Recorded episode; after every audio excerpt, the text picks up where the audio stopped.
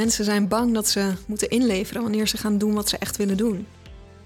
Ja, want dat streven naar succes is natuurlijk wel iets anders dan je purpose leven. Ja, het is anders, maar uiteindelijk lever je helemaal niet zoveel in. Als je helder hebt wat je purpose is, dan zorgt het ervoor dat je veel gemakkelijker in beweging komt. Het lijkt me ook een hele klus om wat milder te zijn voor jezelf. In deze serie maken we werkgeluk concreet en geven we tips om in je eigen organisatie, team en je eigen leven aan de slag te gaan met werkgeluk. Van een groot wollig thema slaan we de brug naar concrete acties.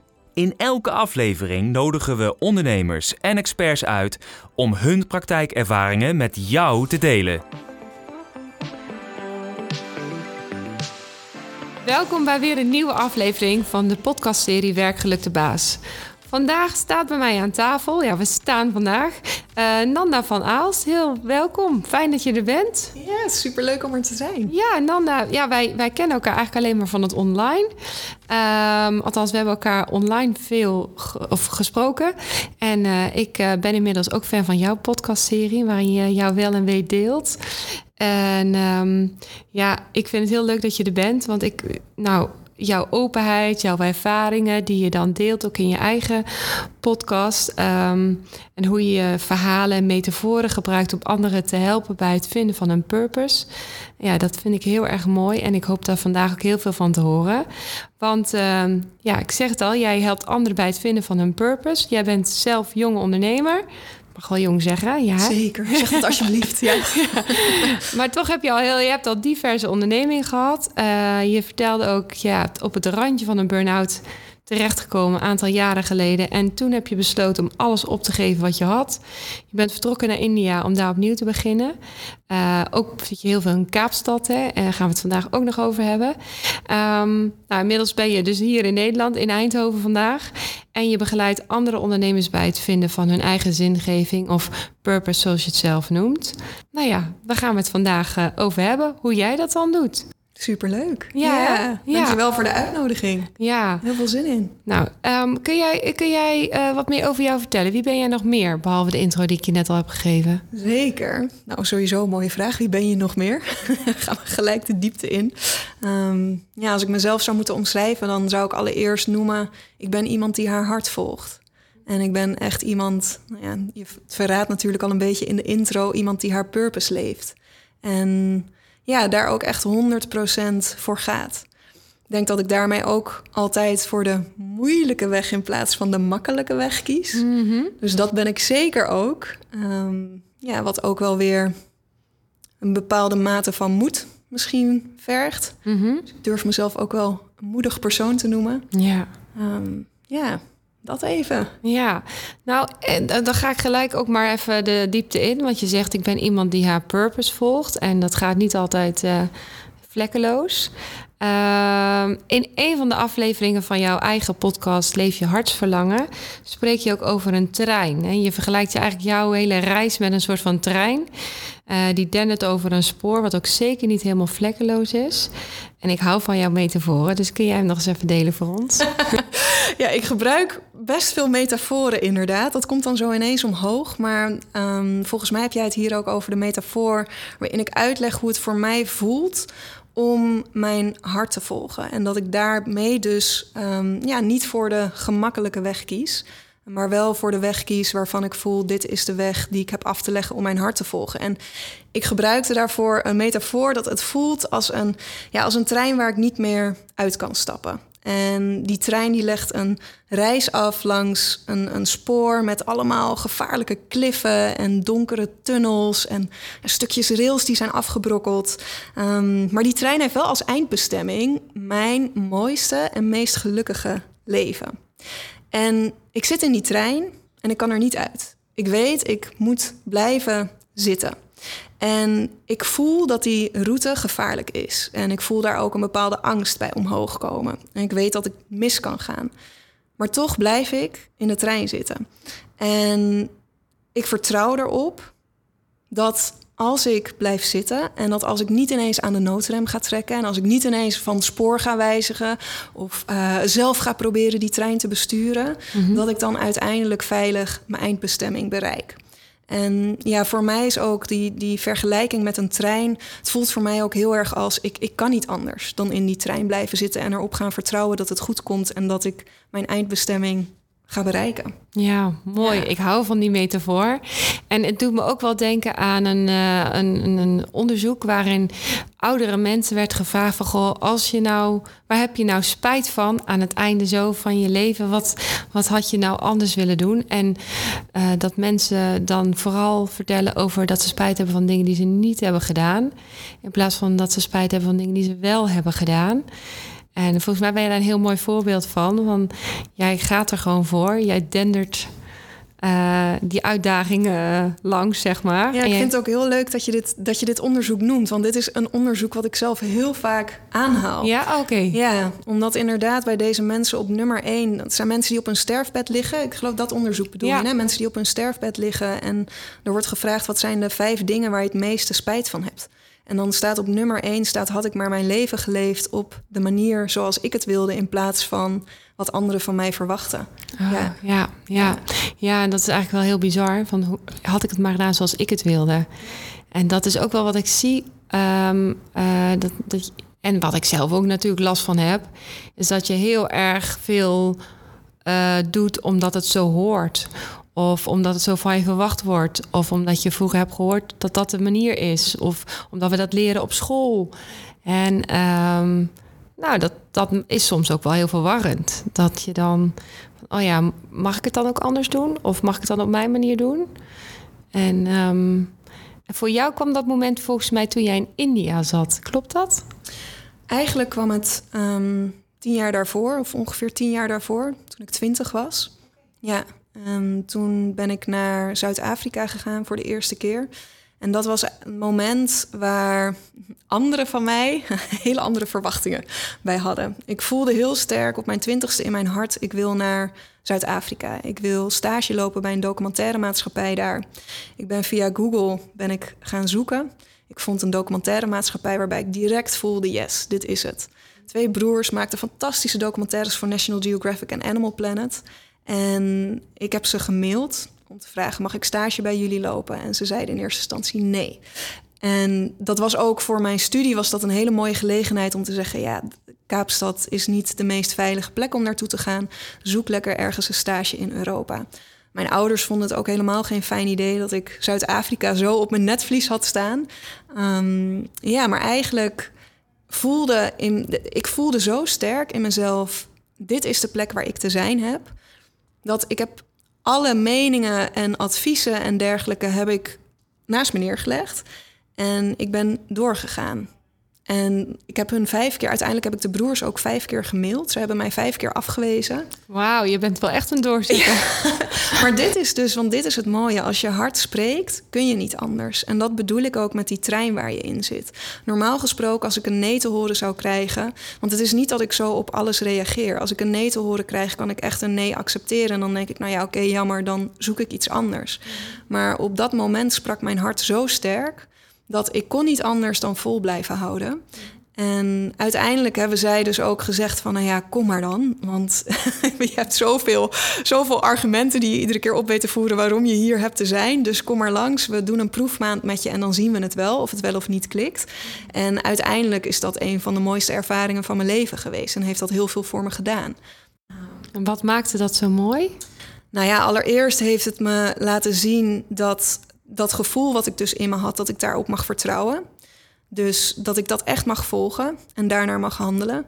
En ten tweede gaf het leven daar gaf mij ook een eye-opener.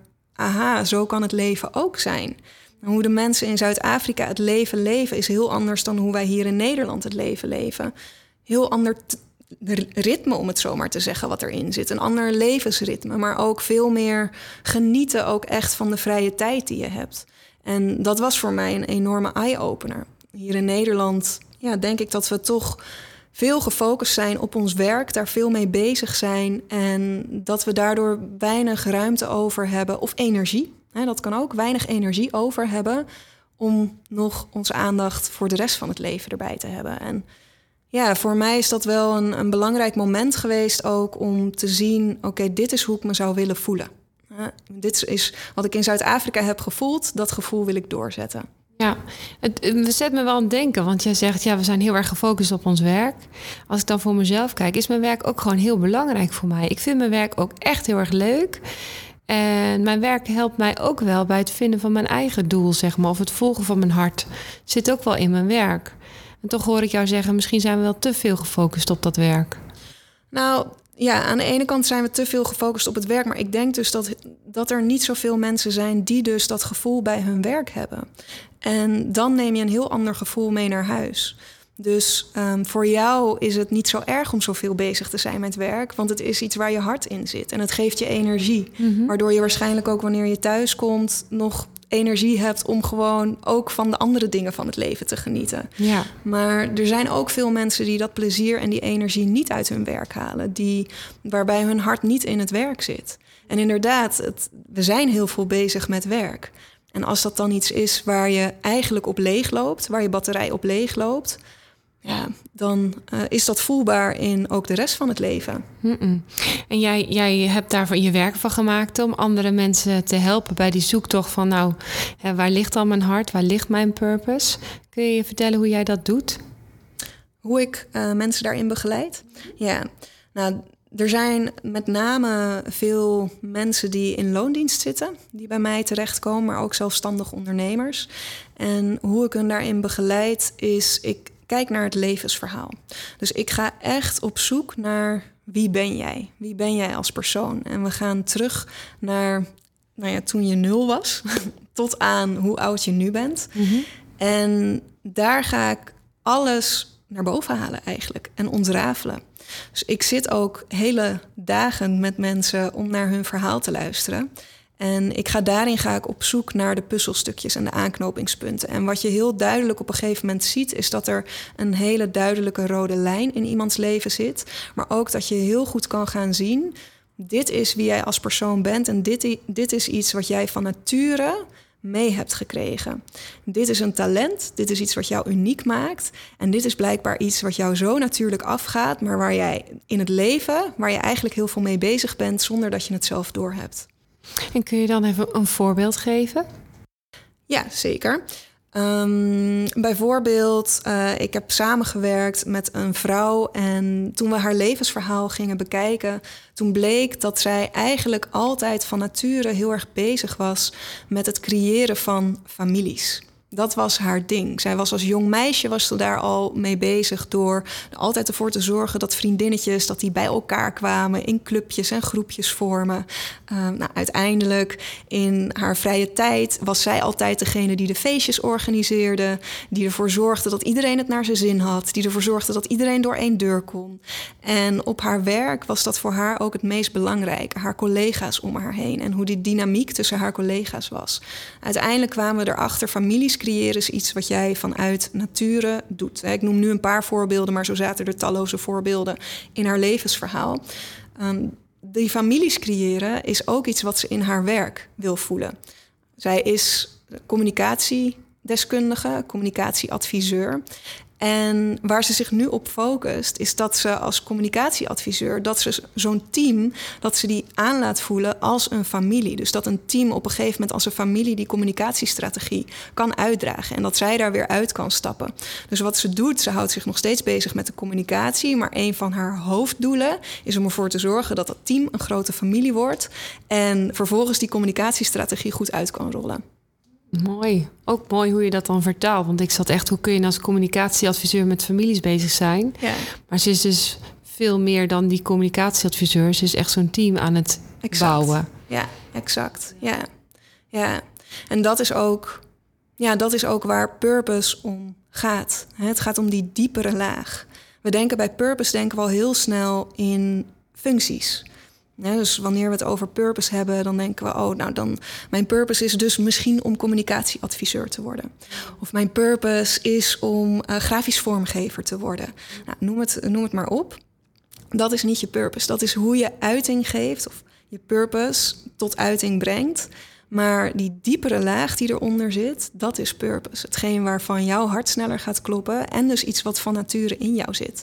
Want die families creëren, daar hoeft zij geen moeite voor te doen. Het gaat haar natuurlijk af. Ja. Ja, mooi. Ja, en, en dat brengt me ook weer bij een andere metafoor die ik uh, al eerder bij jou uh, voorbij heb horen komen. En, uh, en, en je, je, vertelt namelijk hoe jij in Kaapstad aan het surfen was. En je gebruikt een metafoor van hoe je steeds beter hogere golven wil pakken, wilde pakken.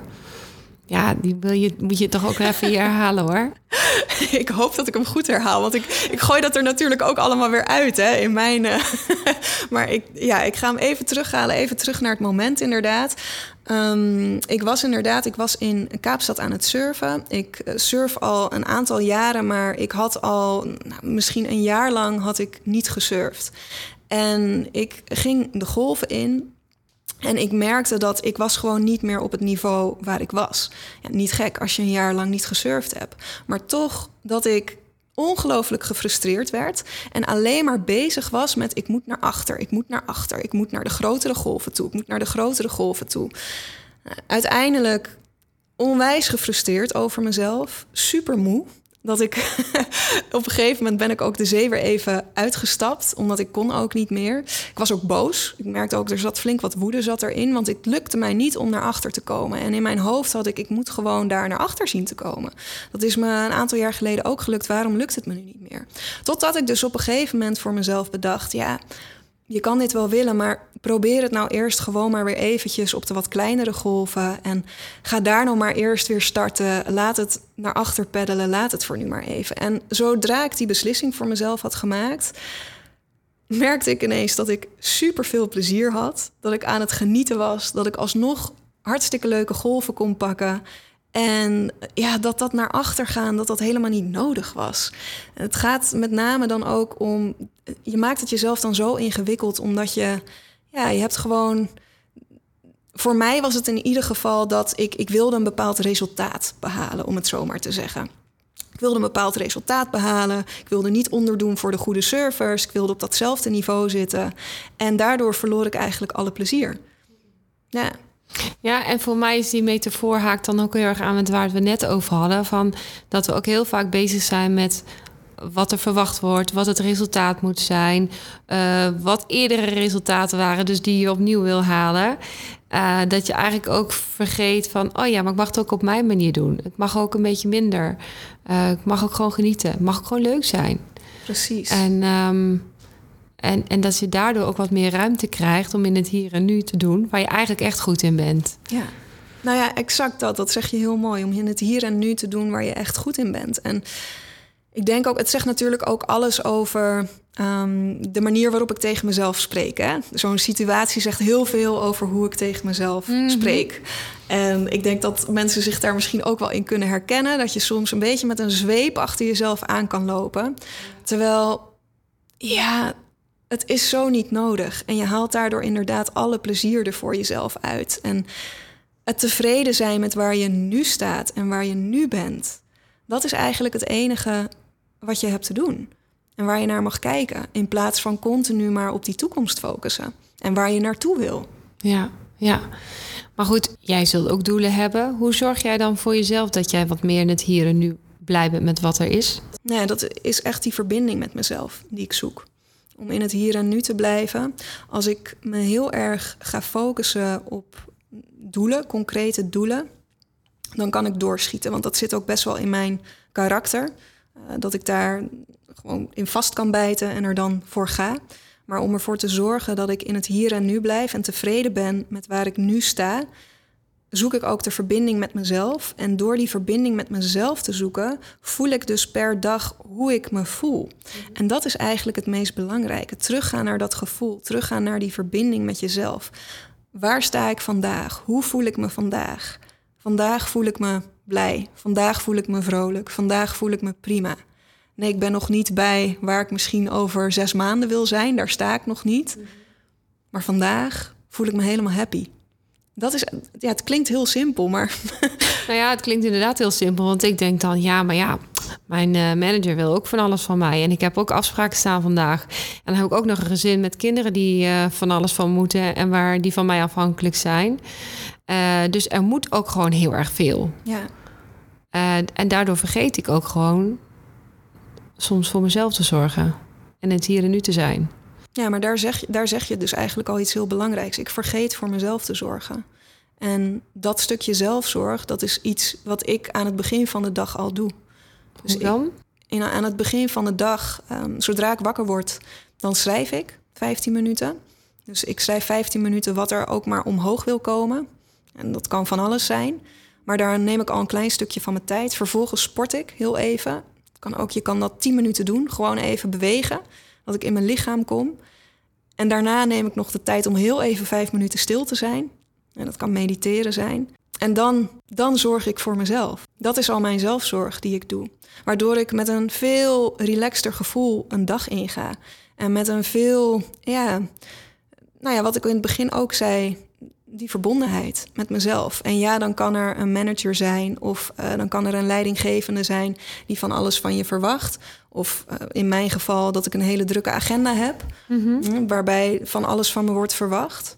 Maar ik heb dat moment voor mezelf heb ik aan het begin van de dag al genomen, waardoor ik met een hele andere energie mijn werk instap. Ja, mooi hoe je dat dan doet. Want ja, ik, ik, ik betrap mezelf ook regelmatig op. Maar ik zie ook heel veel mensen om me heen. Uh, ondernemers, maar ook leidinggevenden, ook uh, medewerkers. Uh, ja, dat die zo hard aan het werk zijn en zo bezig zijn om dat doel te bereiken, de beste te zijn, het goed te willen doen voor alles en iedereen, dat ze vervolgens eigenlijk vooral voor zichzelf onrealistische verwachtingen scheppen. Want heel eerlijk, als ik naar mezelf kijk, er zijn ook maar weinig mensen die tegen mij zeggen dat ik harder moet werken of meer moet presteren. Eerder andersom van goh, denk jij jezelf. Maar ben je bijvoorbeeld zo hard aan het werk dat je jezelf voorbij gaat en ook de oog voor je omgeving of je team of je collega's verliest.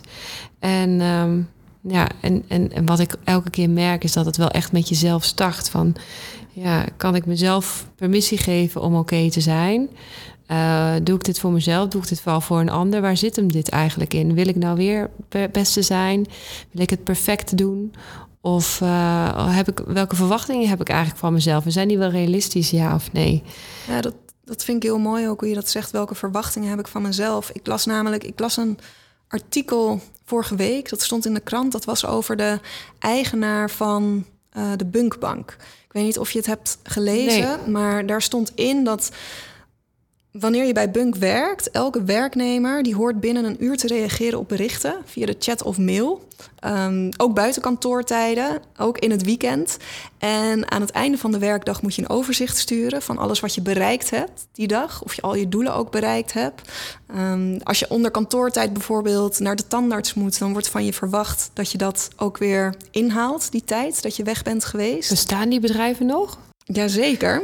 En dit is een vrij jonge man die eigenaar is van deze onderneming. En hij zei ook in dat artikel dat volgens hem dit de beste manier is om te kunnen presteren op topniveau. Maar aan alles, ik heb het artikel ook met verbazing gelezen en tegelijkertijd dat het me, nou ja, dat het me ook heel verdrietig maakte. Want aan alles hoor je hoe deze man tegen zichzelf praat.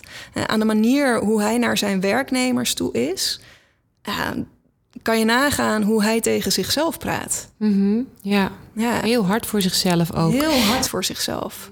Ja. ja, en wat ik merk is ook hoe harder mensen zijn voor zichzelf, ook hoe harder ze voor hun omgeving zijn. Exact. En hoe milder je voor jezelf bent, hoe milder je ook voor je team bent. Ja. Um, maar hard zijn voor jezelf is vaak ook een manier om te zeggen: maar zo ga ik mijn doelen bereiken. Zo weten we zeker dat we gaan presteren. Zo weten we zeker dat we resultaten gaan bereiken. Want met niks doen wordt niemand rijk. Ja, en ik denk dat daar een hele andere denkwijze in mag gaan komen. Uh, ik weet niet of je Allard Drosten, of je die kent? Nee. eigenaar van een metaalbedrijf Aldoa. En bij dit bedrijf bepalen werknemers bepalen zelf hun salaris. Die bepalen zelf wanneer ze werken. Ze bepalen zelf wanneer ze vakantie krijgen. Um, ze bepalen zelf hoe hun werkomgeving eruit ziet. Als er een nieuwe machine of iets dergelijks gekocht moet worden, dan krijg je de pinpas. Dus degene die de machine bedient, die krijgt de pinpas. Daar wordt tegen gezegd, nou jij bedient hem, dus jij kan de beste keuze maken. Mm -mm. En hij zegt dus, voor mij ligt de focus niet op resultaat en niet op doelen behalen, maar op plezier en persoonlijk contact en verbinding bij mijn werknemers. En op die manier behaal ik het resultaat wat ik wil behalen. Want een werknemer gaat pas excelleren als een werknemer ook echt plezier en energie krijgt van het werk wat hij doet. Mhm. Dus dat is een hele andere denkwijze. En ook daarin kun je weer heel mooi horen hoe deze man waarschijnlijk dus ook tegen zichzelf spreekt. Ja, Ja, ja, met veel meer mildheid en eh, ja veel meer mildheid. ja, mooi. Ja. Het klinkt wel heel erg mooi, hè? hoe je milder kan zijn voor jezelf en ook voor de mensen om je heen. Ehm, maar wat ik ook merk, eh, is dat in de praktijk gewoon nog een hele klus. Want eh, je, zegt, je zei net in het begin al wel dat je kijkt als je met mensen gaat zoeken naar een purpose. Dat je vanaf nul jaar tot nu kijkt van oké, maar hoe zit jij in elkaar? Maar als ik naar mezelf kijk, ik ben nu 40. Dat betekent dat ik 40 jaar lang dingen op een bepaalde manier heb gedaan. Dus om dat af te leren, ja, ik zou haast zeggen, kost me dat misschien nog wel 40 jaar.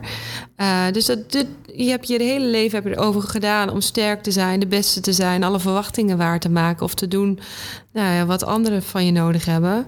En ja, dan gaat dus niet zomaar veranderen van het een op het andere moment. Hoe kunnen mensen daar dan toch stappen in maken? Hoe, hoe, hoe doe je dat? Hoe doe jij dat met de mensen die bij jou komen?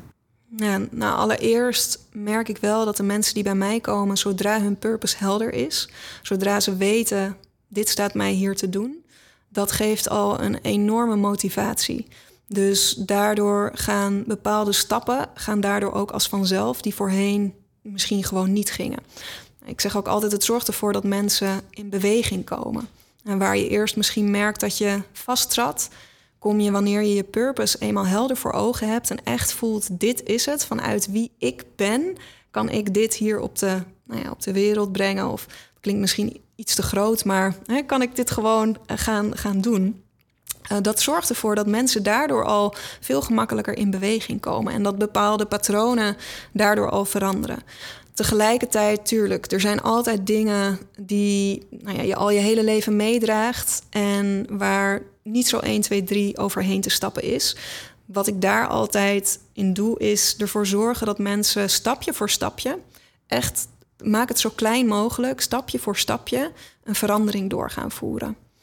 En dat kan bijvoorbeeld zijn, nou sowieso, laat ik ook zeggen, het, het stapje voor stapje aanpakken is sowieso heel verstandig als je een verandering door wil voeren. Ik neem jou nu eventjes uh, als voorbeeld. Stel, uh, jij ontdekt een, een bepaald purpose in jouzelf en je zegt daar wil ik voor gaan, maar dat betekent dat je ook wat veranderingen door hebt te brengen in werk, bijvoorbeeld. Je kan van jezelf verwachten dat je daar binnen twee stappen moet zijn, maar je kan het ook opdelen in honderd kleine stapjes. Wanneer zou je sneller in beweging komen? Bij als je van jezelf verwacht dat je in twee hele grote stappen daar moet zijn, of als je honderd kleine stapjes mag zetten. Ja, en ik ben dan geneigd om te zeggen, ja, maar ik wil die twee stappen. maar ik weet dat die honderd het beter doen. Exact. en dat is eigenlijk wat ik mensen leer. Hè? Om het in honderd kleine stapjes te doen. Ik had laatst ook een hele mooie situatie met een klant van mij. Ze had haar purpose ontdekt. Ze had dat heel mooi concreet weten te maken in... oké, dit is hoe ik dat de wereld in ga zetten. En vervolgens zei ze, ik loop helemaal vast in hoe dan. Ik heb geen idee. Ik, ik weet niet waar ik moet beginnen. Het voelt onmogelijk. En toen zei ik tegen haar, nou, laten we dan even kijken naar waar je nu staat en wat er voor nodig is om uiteindelijk te komen waar je wil komen. Vervolgens zijn we dat gaan opdelen in veel kleinere stappen. Waarna ze aan het einde zei: Oh, maar, maar het is eigenlijk heel simpel. ik, ja, oh, heerlijk. Het is heel simpel. je hoeft het niet zo ingewikkeld te maken. Dat zei ik ook. Je kan niet van jezelf verwachten dat waar je nu staat, dat je daar vervolgens bij jou, jouw ultieme droom, om het zomaar te zeggen, dat je daar in twee stappen bent. Dat is onrealistisch om van jezelf te verwachten. En dat hoeft ook helemaal niet. Maar deel het nou gewoon eens op in kleinere stappen. En dan wordt het heel simpel. En ik denk dat als je daarmee bezig bent, dat je er misschien ook wel achter komt dat succes of de doelen die je voorheen had, misschien wel veranderen. Dat uh, je succes oude stijl, zeg maar, nieuwe stijl wordt. Ja, ja. Ja, succes oude stijl, inderdaad. Dat, dat, ja, absoluut. Want eigenlijk ook waar de meeste mensen naar verlangen, diep van binnen, dat zeg ik nu zo. Ik doe nu die uitspraak omdat ik met meer dan 100 mensen heb mogen samenwerken en van meer dan 100 mensen hun purpose heb mogen ontdekken. Dus ik durf inmiddels wel een beetje eh, te zeggen. Ik denk dat veel mensen hiernaar verlangen, is niet het geld, uh, is niet die nieuwe auto, is niet uh, het abonnement op tandenborstelkopjes voor de elektrische tandenborstel. Het is energie en plezier kunnen beleven in wat je doet en het gevoel hebben dat je ertoe doet. Ja, en voor werkgeluk ben ik inmiddels uit mijn eigen onderzoek ook absoluut van overtuigd dat van betekenis zijn of ergens iets aan bijdragen en daar ruimte in krijgen, dat dat uh, essentieel is voor werkgeluk. Ja, absoluut. Ja, ik geloof dat ook 100%. Dat, ja, dat je het eigenlijk op kan delen in het, het stukje zingeving, het stukje autonomie. En ik denk verbinding, dat dat ook een belangrijke is. Maar dat werkgeluk voor mensen met name inderdaad ook zit in voelen dat je ertoe doet. En dat hetgeen wat je doet met je werk, al is het maar voor één iemand, maar dat je daarmee een verschil kan maken. En dat is ook iets. Ik heb een klant gehad, zij verdiende 50.000 euro per maand. Nou, als we uitgaan van het oude principe van succes en geluk, dan zou je zeggen: deze vrouw is de gelukkigste vrouw. Ja, succes. Ja. Precies. Deze vrouw heeft heel veel succes, is mega gelukkig, kan doen wat ze wil, kan kopen wat ze wil. En zij was diep ongelukkig. Want ze zei: het werk wat ik doe is eigenlijk niet van betekenis. En ook het, het de manier waarop ik werk, dat is eigenlijk een soort trucje. Een soort trucje wat ik steeds aan het herhalen ben. En ik heb daarmee geen betekenis voor de wereld, voor het leven van andere mensen.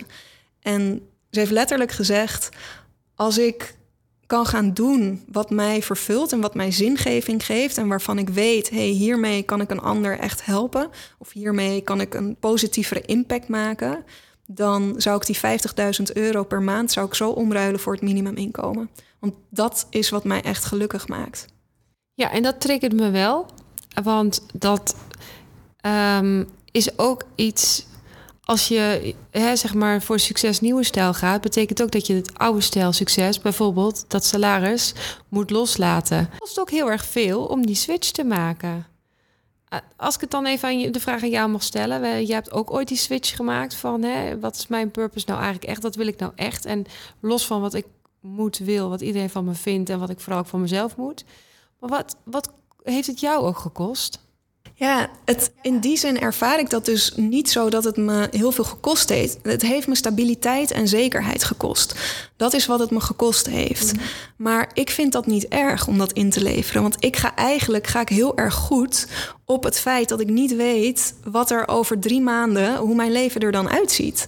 Want ik heb die vrijheid daarin. Dus dat is eventjes als ik het betrek op het zelfstandig ondernemerschap. Aantal weken terug heb ik ook een hele open mail gestuurd aan iedereen die op mijn maillijst stond. Omdat ik ook een eerlijk inkijkje wilde geven in eh, wat, wat, wat verdien je nou eigenlijk als zelfstandig ondernemer? Want heel veel mensen zijn bijvoorbeeld ook nou ja, bang om te gaan voor überhaupt waar hun hart happy van wordt. Of dat nou in loondienst is of als het nou zelfstandig ondernemerschap is. Ze zijn bang dat ze in moeten leveren als ze gaan doen waar ze echt gelukkig van worden. En ik heb toen heel open gedeeld wat mijn omzet was in de eerste drie jaren van mijn zelfstandig ondernemerschap. Tot mijn grote verbazing, toen ik daar naar keek, toen dacht ik. Ik heb geen idee eigenlijk hoe ik dat eerste jaar, hoe ik überhaupt ben rondgekomen, hoe ik dat heb overleefd. Mijn winst was zo laag. En toch, als ik op dat jaar terugkijk, was dat een van mijn meest mooie jaren heb ik me super gelukkig gevoeld. Heb ik voor mijn gevoel alles kunnen doen wat ik wilde. Maar ook omdat ik dus bezig ben met hetgeen waar ik heel erg blij van word. En hetgeen waarbij ik voel, ja, dit is wat ik hier te doen heb. Ja, en dan is ineens iets wat voorheen heel belangrijk was, of misschien wel een doel was, ineens minder belangrijk. Ja, nou, ik, ik wil niet zeggen geld is niet belangrijk. Daar hou ik ook niet van, van die uitspraak. Tuurlijk is geld belangrijk. En het moet ook een bepaalde... Kijk, als je je basisbehoefte, als je daar dan niet in kan voorzien... dat levert heel veel stress op. Dus tuurlijk is geld belangrijk. Maar het is minder belangrijk dan we denken. Oké, mooi dat je die nuance nog uh, legt. Ja. ja. Um, als mensen zich... Uh, want we zitten alweer aan het einde, dus ik ga mijn laatste vraag nog stellen. Als mensen zichzelf nou herkennen in jouw verhaal, of in het harde werk, of in de vraag: waar doe ik het nou eigenlijk voor? Of uh, nou, het knaagt, weet je wel. Uh, wat wil je mensen meegeven? Ja, een mooie vraag is dat. Wat wil ik hun meegeven? Dat ik echt vanuit mijn hart spreek. Ik merk ook dat het me direct iets doet. Dat ik dan direct ook voel, oh, ja. Ehm, dan zou ik zeggen, je leeft maar één keer. Je leeft echt maar één keer. En het zou zo zonde zijn als je in dat leven, als je blijft hangen in iets waar je eigenlijk niet gelukkig van wordt. Waar je geen energie van krijgt. Waarvan je voelt, er zit zoveel meer in mij, maar het komt niet tot uiting binnen hetgeen wat ik nu doe. Dat is zo zonde als je daarin blijft hangen. Dus ja, wat ik mensen mee zou willen geven is kies echt voor waar jij gelukkig van wordt. En als je dat nog niet weet, waar word ik gelukkig van? Wat wil ik echt? Ga dan in ieder geval de kleine stapjes zetten om daarachter te komen. Want ja, het grootste gedeelte van ons leven besteden we ook aan het werk wat we doen. Dus als je daarin merkt, dit, dit is iets wat totaal niet bij mij past, dan ben je dus het grootste gedeelte van je leven ben je bezig met iets wat niet bij je gepast heeft. En dan behoor je waarschijnlijk dus tot die groep mensen die zeiden op een sterfbed: had ik maar. Had ik maar mijn leven op mijn eigen manier geleefd. En ja, ik denk ook dat we het leven ook veel meer als een soort spel mogen gaan zien. Het is aan jou. Jij bent aan zet niet iemand anders, maar het is echt aan jou om de juiste stappen te zetten en om dus ook jouw eigen pad te volgen. En dat zeg ik ook altijd tegen mijn uh, klanten als ze hun purpose hebben ontdekt. Je gaat weerstand ervaren. Je gaat weerstand krijgen van nou ja, mensen in je omgeving. Maar zij kunnen niet voelen wat jij voelt. En zij kunnen ook niet begrijpen wat jij, hè, wat jij wil. Soms kunnen dat ja, hele voor de buitenwereld onlogische dingen zijn. In, in, in, mijn geval ben ik ook heel vaak niet begrepen. Heb ik ook heel vaak de vraag gekregen: maar waarom zou je dit willen? Oh, ja. En als ik daarnaar had geluisterd, had mijn leven er heel anders uitgezien en had ik een heel ander pad bewandeld. Maar niemand anders dan jij kan voelen wat er in jou gebeurt en waar jij naar verlangt. Dus volg dat. Echt, het is het waard. En ik zie een stralende vrouw voor me die, uh, die ook echt leeft wat ze vertelt. Ja. En, uh, en uh, een mooi voorbeeld is van hoe het ook kan. Ja. Dankjewel. Ja, heel graag gedaan. Dankjewel dat je dit met ons wilde delen. En je mooie inzichten ook, nou ja, vandaag hebt uitgesproken. Dankjewel dat ik hier mocht zijn en dat ik het mocht delen. Ja, en als mensen nou denken, oh, maar ik wil meer weten van Nanda... Waar kunnen ze jou vinden? Sowieso via Instagram, nanda.purposecoach. Uh, daar deel ik ook veel. Deel ik ook veel uh, gratis content, tips. En ja, mocht je nou voelen dat uh, het, hetgeen wat ik nu verteld heb, dat dat voor je resoneert, dan kan ik ook aanraden om gratis masterclass te volgen die ik geef. Daarbij leer je namelijk wat de drie belangrijkste stappen zijn om jouw eigen purpose te ontdekken. En ga ik je dus meenemen in überhaupt, uh, wat betekent purpose nou precies? Waarom is het zo belangrijk om je purpose te ontdekken? Uh, wat, wat gaat dat voor verschil maken in je leven? En wat zijn dus die drie belangrijke stappen? Dus dat kan ik absoluut aanraden om daar gewoon lekker aan mee te doen. En uh, ja, is in de wereld van purpose te stappen. Mag ik me ook inschrijven? Zeker. absoluut. Top. Dankjewel. En uh, nou, de mensen die de podcast-fan uh, zijn, jij hebt uh, ook je eigen podcast. Ik heb het al een paar keer stiekem zo genoemd, maar die heet? Ja, Leef je hartsverlangen. Ja, dus die kun je ook gewoon vinden op Spotify. Hè? En op alle andere podcast-apps denk ik ook wel. Ja, op alle podcastkanalen zijn ze, is hij te vinden. Dankjewel nogmaals dat je hier was. En dank voor alle luisteraars voor het luisteren weer van deze aflevering. Er staan er nog een aantal uh, aan te komen. Dus als je na deze aflevering denkt, daar wil ik meer van, check ook de andere afleveringen en abonneer je ook om de rest als eerste kunnen te beluisteren. En like en deel het ook vooral met andere mensen. En um, mocht je het leuk vinden om ook een keertje bij mij aan tafel te schuiven, dan ehm, kun je een mailtje sturen naar werkgeluktebaas@frontis.nl En wie weet eh, spreek ik jou binnenkort. Dag!